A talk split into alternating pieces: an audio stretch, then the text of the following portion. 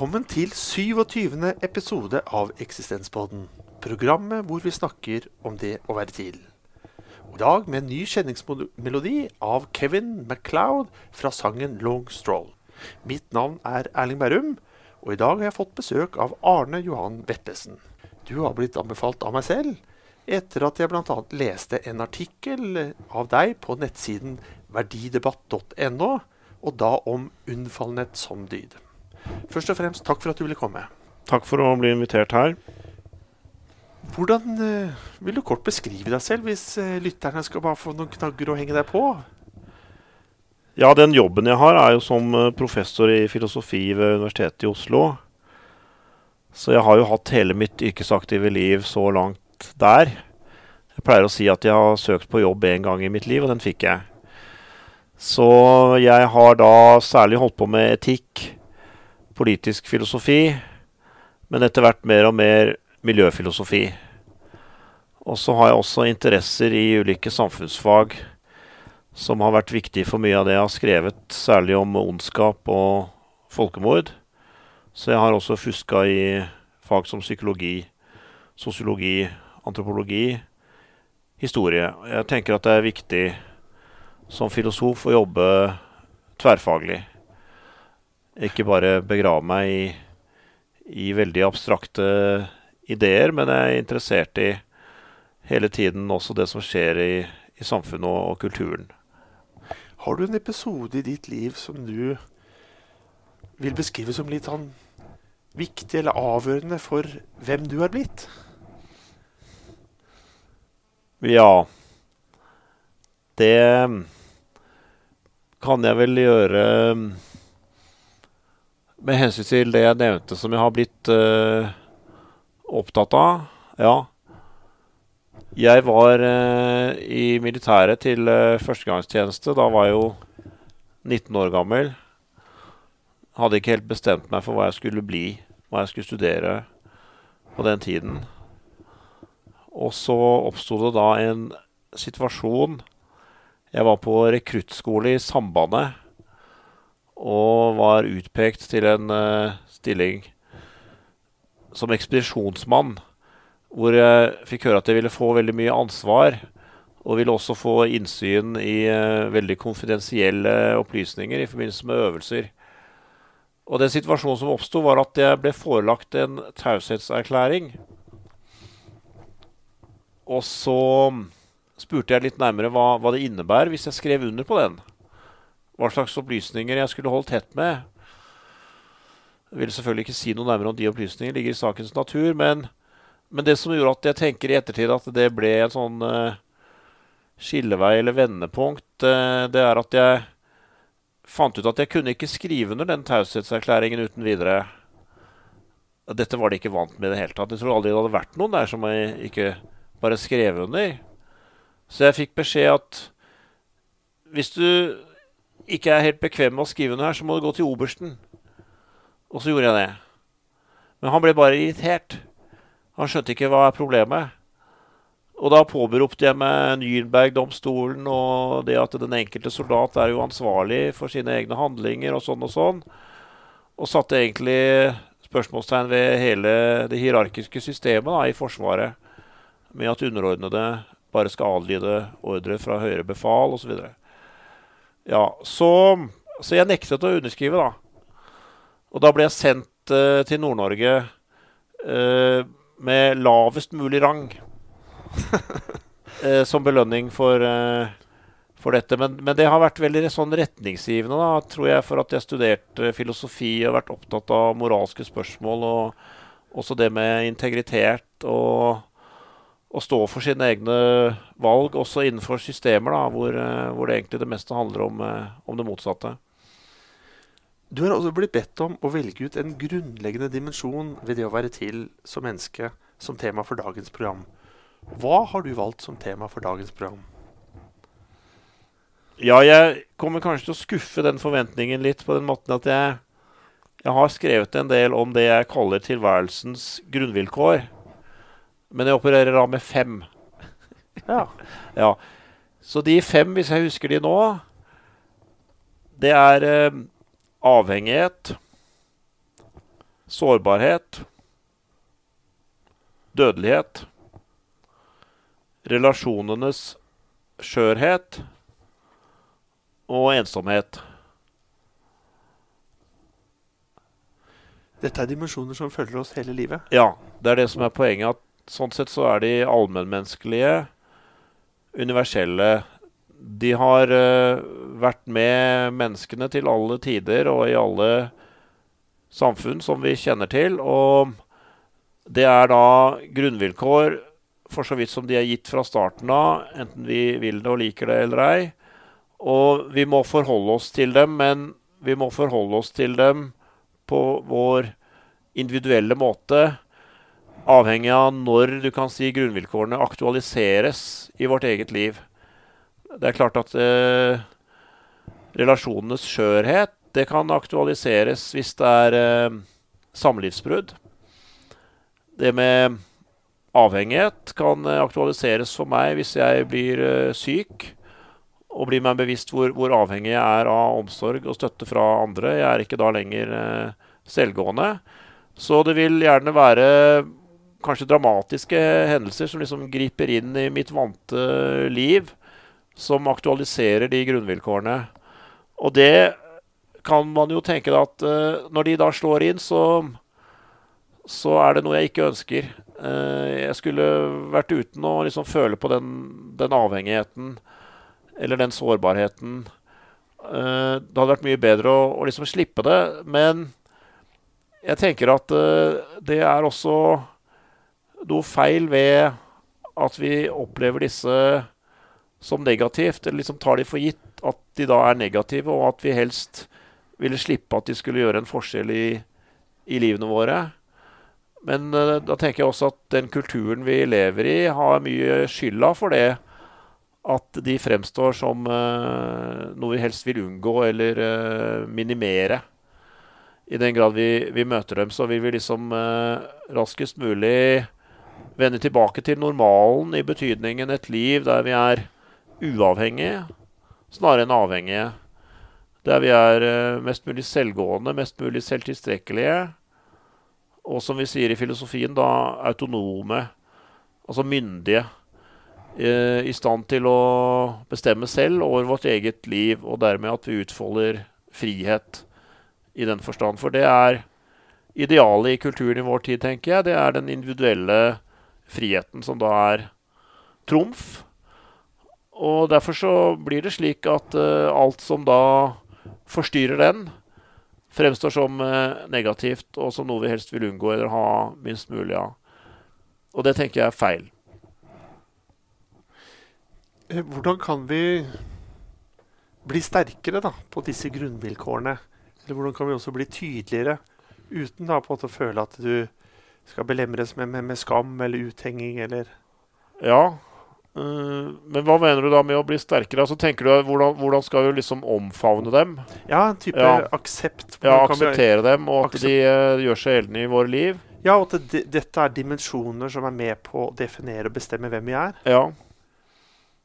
Jeg tenker at det må knyttes til at vi ser på dette idealet om å være selv tilstrekkelig og være mest mulig uavhengig, og særlig at liksom voksenlivet handler om det. da, At vi vel kan uh, godta at vi er avhengig i det øyeblikket vi fødes. Og så lenge vi er barn, så er vi opplagt avhengig av foreldre eller uh, andre omsorgsgivere. ikke sant? Men vi kan tenke at det, det, vokser vi ut av, den formen for avhengighet av andre. Så, så uavhengigheten oppnår vi etter hvert i, uh, i voksenlivet. Ja, jeg, jeg tenker at uh, disse grunnvilkårene, rett forstått, er uh, helt grunnleggende for at vi overhodet skal være moralske vesener. Altså, det er nettopp det at vi alle kan være trengende, kan være ubehjelpelige kan være i behov av en innsats, av en omsorg, av en omtanke fra andre. Den type sårbarhet da, er det som, som gjør at vi så å si trenger moral, og, og trenger å, å, stille opp på det moral krever av oss. Så sånn sett så er det, så er det konstitutivt. Det det er grunnleggende for at vi kan også bety noe for hverandre. Så, så langt på vei så vil jeg si at det, det der uavhengighetsidealet knyttet til individuell frihet i våre dager, det er en fiksjon eller en illusjon. Og det er veldig uheldig at, uh, at det har blitt så dominerende som det har blitt i, i vår tid. Fordi at det er også noe egentlig livsfremmed ved det. og ja, det, det, forbereder oss ikke godt på det som, uh, som livet vårt sannsynligvis vil uh, bringe. Hvis vi skal knytte det til, til, skam, det er veldig viktig fordi jeg tenker også det har å gjøre med ideologier som står sterkt i vår tid. Liberalismen. Den fremmer jo veldig dette idealet om individuell frihet, valgfrihet, som et gode, og dermed som også det vi baserer vårt selvbilde på, vår stolthet på, at vi da kan uh, fremstå og anerkjennes som andre som, som frie, myndige individer som, som, tar sine valg og tar ansvaret for sine valg i, i, sitt liv, og dermed liksom ikke trenger å være til noen byrde for noen andre. Ja, men det betyr at uh, når du da er f.eks. syk eller trengende eller arbeidsløs, eller liksom kommer utenfor dette, dette løpet, da, der vi yter og presterer og mestrer og, og liksom er vellykkede og innfrir forventningene og kravene når vi, når vi, faller ut av det løpet, og det gjør vi før eller senere av en eller annen grunn, alle sammen, så er det jo viktig at vi også har et verdisyn i samfunnet som gjør at vi kan bevare selvrespekten Og bevare en anerkjennelse for andre. Selv om vi ikke lenger eh, kan eh, yte, kan prestere og, og fremstå som eh, at vi klarer oss selv. Så, så, vi trenger jo da også en, en understøttelse om at uh, vi har uh, verd. Vi uh, fortjener andres respekt og omsorg. Selv om vi ikke kan bidra på denne, på denne aktive måten som vi legger så stor vekt på i samfunnet i dag. Vil du, vil du, si at Hvis jeg skal bruke litt dine ord, at vår tids mer fiktive ideal da, om den frie, uavhengige mm. mennesket, mm. at det kanskje også er med på å bidra til å skape et kaldere samfunn? Som noen Ja, det gjør det unødvendig negativt og, og til en, en, trussel mot, mot selvbilde og verdighet når, uh, når vi er trengende. Ja. Hvor, hvor, kommer Hva eh, er bakgrunnen til at vi har fått et slikt fiktivt ideal? Liksom det frie, uavhengige mennesket. Ja. Hva er grunnen til at det ja. har på en måte da ja. blitt vår tids ideal? Ja, Det går langt tilbake i vestlig kulturhistorie, men uten å begynne å snakke veldig mye om Platon, Aristoteles og Sokrates osv. i det gamle Hellas, da, som vi filosofer ofte henfaller til å gjøre, så, så kan vi si at i den moderne tid som vi kan knytte til uh, opplysningstiden. da. 1700-1800-tallet, utviklingen etter det med en filosof som den tyske Immanuel Kant. Han skrev sine viktigste ting på 1780-tallet, og vi hadde jo da ikke sant, også 1789, den franske revolusjon. Og forløpere da til også det som har blitt ikke sant, moderne, liberale demokratier. Ja. Uh, så vi vil jo tenke at mye av den utviklingen som har vært med hensyn til friheter og rettigheter, stemmerett og alt mulig som vi knytter til moderniteten da, i disse århundrene, har vært progressivt. Har vært nettopp genuint fremskritt, fremgang.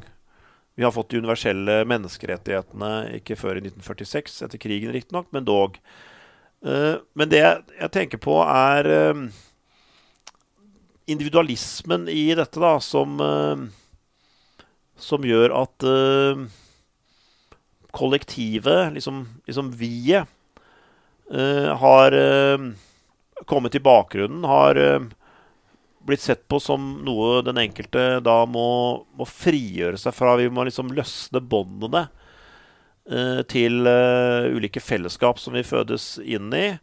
Og man kan tenke da særlig at tette fellesskap de er til hinder for at hver og en kan, kan utfolde seg på sin måte og, å bli fri og bli, og bli myndig. Så, så, de verdiene som vi har vektlagt, og som har blitt trumf, de har vært knyttet til en, en sterk uh, individualisme som, som, vi jo stort sett tenker på som en del av, av det vi feirer som, som fremskritt, da, men, men, som jeg også tenker ikke er, uh, ikke er realistisk på, med, med henblikk på hva, hva, livet faktisk byr på, også da av motgang. og og da tenker jeg altså, altså Ordet motgang det, det, det, det, kan vi si angir noe som vi helst ville slippe. da.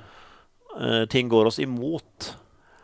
Ja, men hvis man ser litt sånn videre på det, da, så, så kan vi f.eks. si det at vi, uh, vi forandres av motgang. Vi, vi kan berikes av motgang. Vi kan kanskje bli klokere av motgang.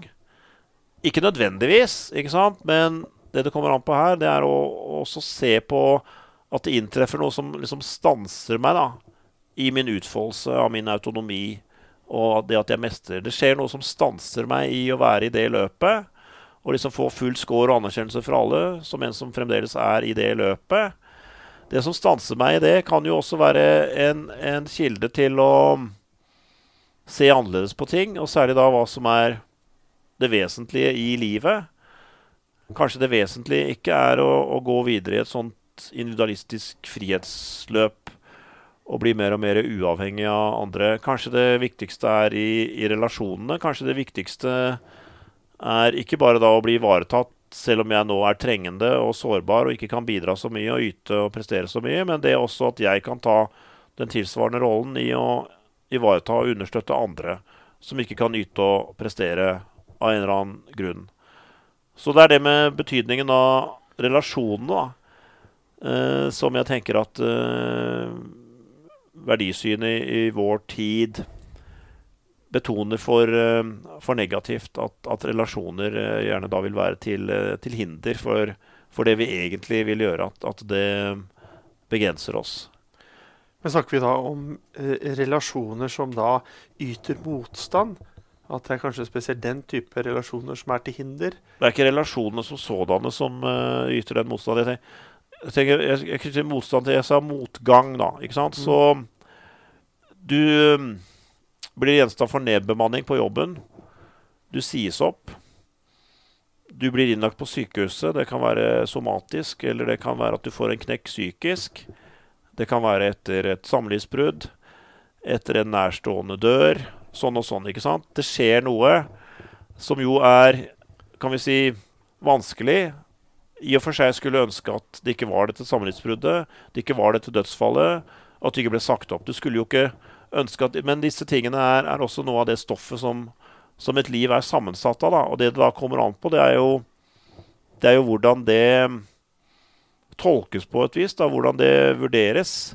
Og ikke minst også hvordan, hvordan andre vurderer det.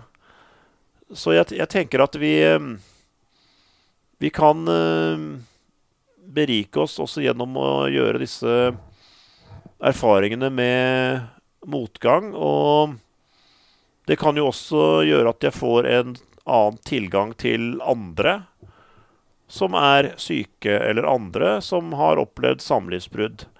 Altså Forut for at jeg selv har vært borti noe av dette i mitt eget liv, så kan det være ganske fremmed for meg.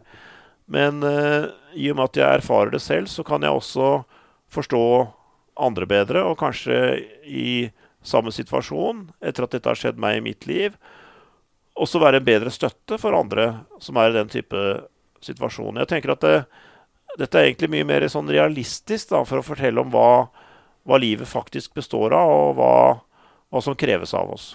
Men er det noe man kan klare liksom ta til seg eller erkjenne uten selv å ha opplevd den motgangen?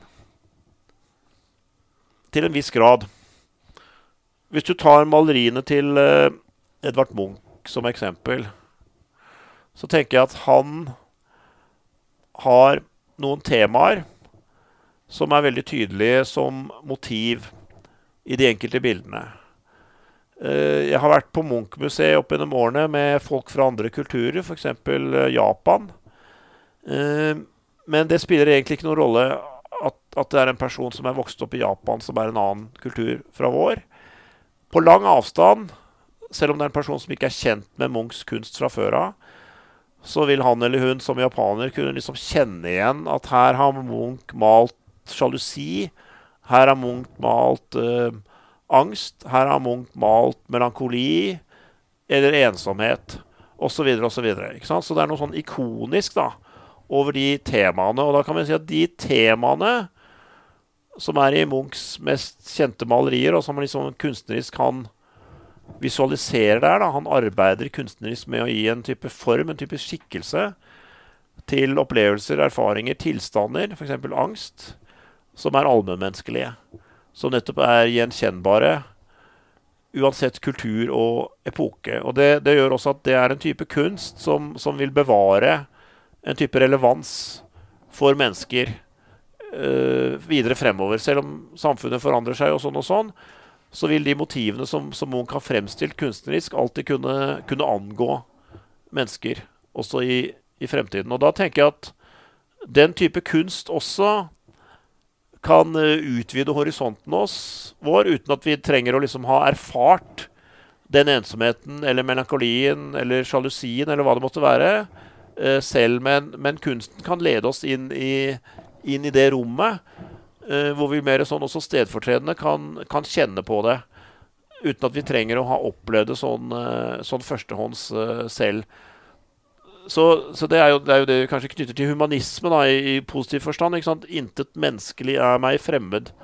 Altså Kunsten hjelper til med at det er så å si da mindre og mindre som, som er meg fremmed. Den, den, tar meg inn i sånne rom som jeg ikke selv har førstehånds erfaringer med og utvider horisonten min i så henseende. Samtidig, når vi ser på de liksom litt yngre generasjoner, så synes, jeg mener å huske at jeg hørte på radio forleden her, at det er kanskje ikke så mange av de yngre generasjoner som da besøker liksom, gallerier og, og museer som får oppleve kunst. Og da vil jo ikke de bli eksponert for den type dimensjoner da, som kan være med på å utvide horisonten. Og jeg tenker litt at de grunnvilkårene som du også har snakket om, og den motgangen, jeg opplever også at eh, vi som mennesker også har en tendens til å løpe vekk fra det, eller sky det. Ja. Og, og, hvorfor gjør vi det? Når, det? når det, vil berike oss og gi oss en, en dypere ja. og rikere livsvurdering, eh, ja. opplevelse og, og, kanskje et verdigrunnlag? Ja. Jeg tror man må skille mellom ulike nivåer her. altså det gir jo mening å si sånn som du antyder, at uh, impulsen vår er jo å, å komme unna det, eller å, eller å, flykte fra det i den grad det er noe som skjer, da. Så, så vil vi kanskje holde det på avstand liksom lengst mulig, det som er uh, ubehagelig og en form for motgang i så henseende. Men litt avhengig av akkurat hva det er, da. Om det er dette dødsfallet eller dette samlivsbruddet eller å ha blitt sagt opp, ikke sant. Så, så vil jo den realiteten uh, melde seg. sånn vi må, vi må jo forholde oss til den. da. Du, altså, vi har forsvarsmekanismer og sånn og sånn, men før eller senere, hvis, hvis, det er dette som har skjedd, og som de facto liksom forandrer hverdagen min, så, så, må jeg jo håndtere den nye virkeligheten, selv om den er aldri så uvelkommen for meg. Men da tenker jeg at rent bortsett fra at det kan være en sånn veldig allmennmenneskelig impuls, da, å, å slippe motgang og, og ville liksom forsvare seg, kanskje til og med benekte den når den først dukker opp. Som vi kan kjenne igjen liksom, at vi har den rent menneskelig alle og enhver, og kanskje til alle tider. Så er det det virkelig kommer an på når det gjelder hvordan vi da håndterer det, og hvilken forskjell det betyr i vårt liv, det har med den kulturen og det samfunnet vi tilhører å gjøre. Altså Der får vi levert til oss, og der liksom lærer vi oss gjennom sosialiseringen at når sånne ting skjer, så har det den og den betydningen. Og da forteller kulturen om det som skjer, for å si det enkelt, har en positiv betydning eller en negativ betydning. Uh, og vi må også på en måte stille opp på de forventningene da, som er de, de andre vi omgås, også har. Altså Det er jo det kulturen gjør med så å si samfunnsmedlemmene. ikke sant? Den, den, den innpoder det samme normsettet, de samme forventningene til alle. Og det er jo også det som gjør at vi liksom meningsfylt kan, kan kommunisere med hverandre. da. At vi starter ut med en, en, en felles fortolkning av at hvis, hvis du har mista kona di, eller sånn og sånn har skjedd, så vil liksom den andre liksom skjønne betydningen det har, da, i termer av om det er, det er noe, noe, ønskverdig eller det motsatte. Så vi, så vi, deler en forståelse av det. Eh, men så kan jo kulturer være forskjellige fra hverandre da, med hensyn til også hvilke redskaper den gir oss for, for å takle motgang. da. For så vidt som motgang, lik det eller ei, er en del av menneskelivet. Og da kan eh, hva skal vi si, to ulike kulturer eller samme samfunn gjennom ulike historiske epoker sant, som forandrer seg, som er forskjellige, eh, de kan enten gi oss som individer, som medlemmer av kulturen, gode symbolske redskaper for å håndtere det som er av motgang. Sånn at det ikke knekker oss og tar fra oss verdigheten og påfører oss skam osv. Og, så videre, og bare blir negativt og bare blir truende. Men snarere gi oss redskaper som gjør at vi kan, eh, vi kan håndtere det på en, på en, best mulig måte, slik at det ikke truer hvem vi er, eh, selvfølelsen vår. Har du eksempler på sånne gode symbolske redskaper i vår tid? Jeg tenker at det er eh, Det har veldig mye med med fortellinger å, å gjøre. Og noe av det som er viktig med hensyn til modenhet, det er at hvis Hvis man er eh, Hvis man er truet La oss ta litt andre eksempler enn akkurat de tre jeg nevnte. ikke sant? Man, man, kan, man kan føle seg usikker, sånn som mange gjorde i Europa i mellomkrigstiden. Det var eh, krakket på børsen i 1929. Det var massearbeidsløshet. Det var liksom en rekke sånne økonomiske og sosiale problemer da, som skapte usikkerhet. F.eks. i Tyskland på 20-tallet og 30-tallet. Helt opplagt, ikke sant? Ja, og da Da har vi jo bl.a. det eksempelet der da, på at uh, Hva skal vi si? Kulturen kan uh, Si det veldig enkelt den kan enten liksom oppfordre til en sånn fortelling om at uh, roten til våre problemer nå, som vi føler på nå som så mange av oss er uh, arbeidsledige og usikre og utrygge med hensyn til fremtiden vår og hvordan vi skal forsørge familien og alt mulig sånt nå uh, Roten til de problemene vi har, de kan da kulturen liksom enten bidra til å plassere veldig konkret hos noen som har ansvaret, som har skylda for den elendigheten som vi nå er rammet av. Altså selvfølgelig i, i tilfelle med, med, nazismen under Hitler, da, som var nettopp den politiske bevegelsen som kom opp i denne krisesituasjonen. Jødene. Og, og da besvares liksom spørsmålene da, om, om, om, om, skyld og ansvar og fordeling, og også da hva som må gjøres. Uh, vi må liksom gjøre, løse det jødiske problem. Uh, da, da, da, får vi også som jevne tyske kvinner og mann, vi, vi får det bedre. Så så det kan man si er å, å plassere uh, ja, Ondskapen er alt som, alt som skaper det, det, som er negativt for oss nå, og som, vi, og som vi strever med nå. Å plassere det hos noen, og dermed løses problemet ved å angripe denne gruppen av jødene i dette tilfellet. Liksom da ved, ved, å bekjempe dem eller eliminere deres betydning, eller helt i dette tilfellet da, liksom fysisk fjerne dem fra samfunnet, så etter det så, så, vil vi ikke ha dette problemet lenger. Så, det er en måte å løse på. En annen strategi, da, og det er, det er egentlig bare to, og det, det, angår jo også i det hele tatt smerte. Altså smerte kan mennesker omgås med på to måter. Enten så er det å transportere smerten over på andre. Enten at årsaken til min smerte skyldes noen andre, f.eks. jødene. Eller jeg transporterer den over der sånn at jeg blir kvitt den smerten jeg føler på, ved å plassere den på andre. Jeg påfører andre lidelse. Og så å si en avlastning. Jo mer lidelse jeg klarer å påføre andre, jo mindre lidelse trenger jeg å bære på. Jeg flytter det fra meg selv over på mitt offer. Det er transport av smerte. Alternativet til transport av smerte er transformasjon. Og det er da måter som kulturen kan gi meg redskaper til å leve med min smerte uten å trenge å plassere den ut eller på andre. Nå, nå brukte du et uh ganske klart, tydelig og stort eksempel. Men vil du si at egentlig noe av de samme strukturene og bevegelsene også skjer i mindre format i, eh, et enkelt liv? At man da skylder på naboen, f.eks., eller at man da overfører smerte på andre for å unnfly ja. eh, egen motgang. I grupper. Ja. Nå brukte jeg det tyske samfunnet, som er ja. selvfølgelig en veldig stor gruppe. ikke sant? Hvis du tar en skoleklasse ja, Kanskje 20-30 elever.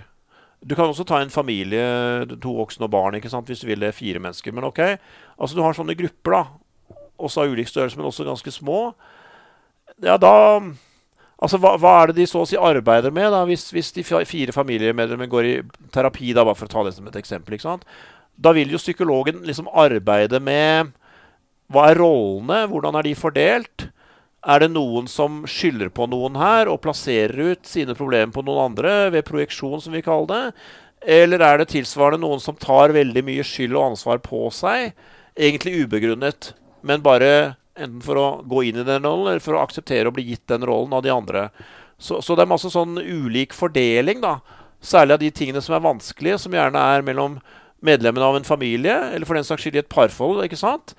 Eh, eller som er med å forklare et slikt fenomen som, som mobbing da, i en skoleklasse. Altså hvem, hvem blir den ene som, eh, som, stadig og år etter år blir, blir mobbet? Hva, hva, er det liksom både ved den personen som gjør han eller hun egnet som mobbeoffer? Og, og, hva er det med de andre som er, som er aggressorer? Hva slags problemer så å si, i gåsøyne er det de forsøker å løse? Hva er det de forsøker å kvitte seg med ved å, ved å mobbe og ved å rette sin aggresjon mot denne personen? Er dette noe vi også gjør noe lignende også på individnivå? I forhold til eh, vår egen opplevelse av tilværelsens grunnvilkår. At vi også da eh, psykologisk da, eh, skylder på hverandre, eh, f.eks.